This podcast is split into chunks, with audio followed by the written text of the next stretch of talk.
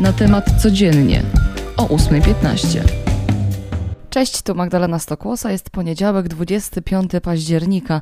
Na początek sprawdzamy sytuację na polsko-białoruskiej granicy. Tam nadal na przejazd w Bobrownikach czekają trzy tiry z pomocą humanitarną.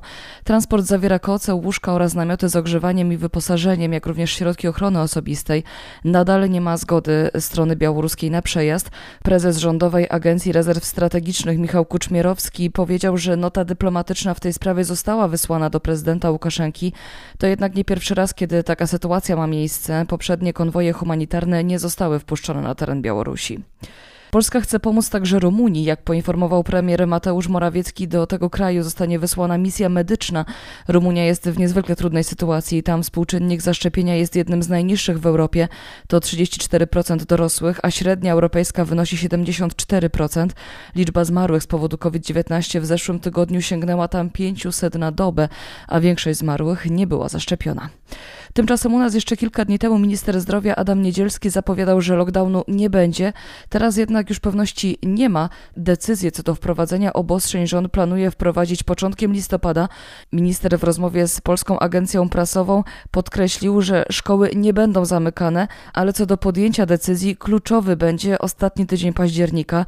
Jeśli obostrzenia zostaną wprowadzone, to nie wszędzie, bo kraj zostanie podzielony prawdopodobnie na strefy żółtą i czerwoną. Czerwoną tam, gdzie będzie odnotowana odnotowywane 48 zakażeń na 100 tysięcy mieszkańców, a w żółtej połowa mniej. Nie będzie jednak podziału i wprowadzenia specjalnych obostrzeń dla osób niezaszczepionych. Teraz naukowa ciekawostka, właściwie przełomowa wiadomość dla osób niewidomych i słabowidzących. Naukowcy z Holandii i Hiszpanii opracowali implant mózgowy, który umożliwia osobom niewidomym dostrzeganie nowych kształtów. Ta technologia jest testowana już u ludzi i są pierwsze spektakularne efekty. Pierwszą pacjentką była Bernadetta Gome, która jest niewidoma od 16 lat. Wszczepiono jej do mózgu implant składający się z 96 elektrod. Samo urządzenie umożliwiło niewidomej ponowne rozpoznawanie wzorów i liter. Pacjentka była nawet w stanie zagrać w prostą grę komputerową w Pacmana. E, naukowcy i eksperci mówią o kamieniu milowym w rozwoju nowej technologii. A sportowo zaczniemy od tenisa, bo dziś rozpoczyna się turniej ATP w Wiedniu, w którym to zobaczymy Huberta Hurkacza. Na początek musi pokonać prawdziwą legendę, Andiego Mareya. Panowie na korcie w tym sezonie spotkali się już i to dwa razy i w obu tych spotkaniach górą był Polak, bo Brytyjczykowi daleko do formy życia. Faworytem tego spotkania jest więc Hurkacz, a początek o 18. Jeśli chodzi o piłkę nożną, to wczoraj sporo się działo. Real Madryt pokonał 2 do 1 FC Barcelonę na ich własnym stadionie. Podobnie Liverpool, który wygrał z Manchester United także na stadionie Czerwonych Diabłów aż 5 do 0 i to historyczne najwyższe zwycięstwo Liverpoolu w historii Stars United. Z kolei w Serie A Juventus zremisował z Interem 1-1. Dokładne opisy wszystkich meczów znajdziecie na naszej stronie głównej. Polecam wam tam zajrzeć. Krzysztof Gaweł przygotował dla was relacje ze wszystkich spotkań.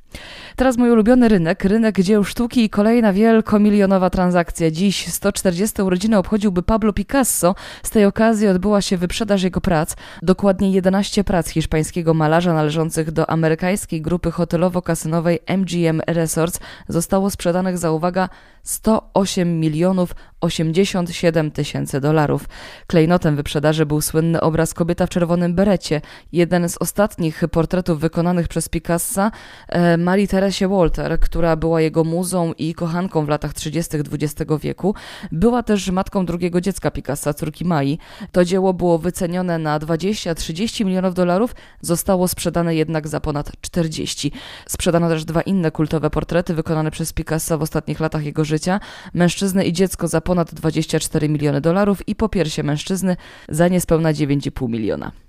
Na koniec jeszcze sprawdzamy, co pogodowo przyniesie nam ten tydzień, bo synoptycy zapowiadają dla nas dużo dobrego. Do Polski od dziś będzie napływać dużo cieplejsze powietrze polarnomorskie i do końca tygodnia możemy liczyć na pogodne dni z temperaturami w dzień od 13 do 16 stopni Celsjusza.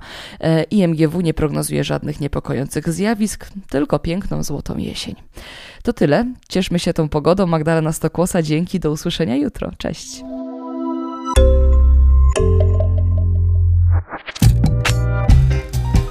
Na temat codziennie o 8.15.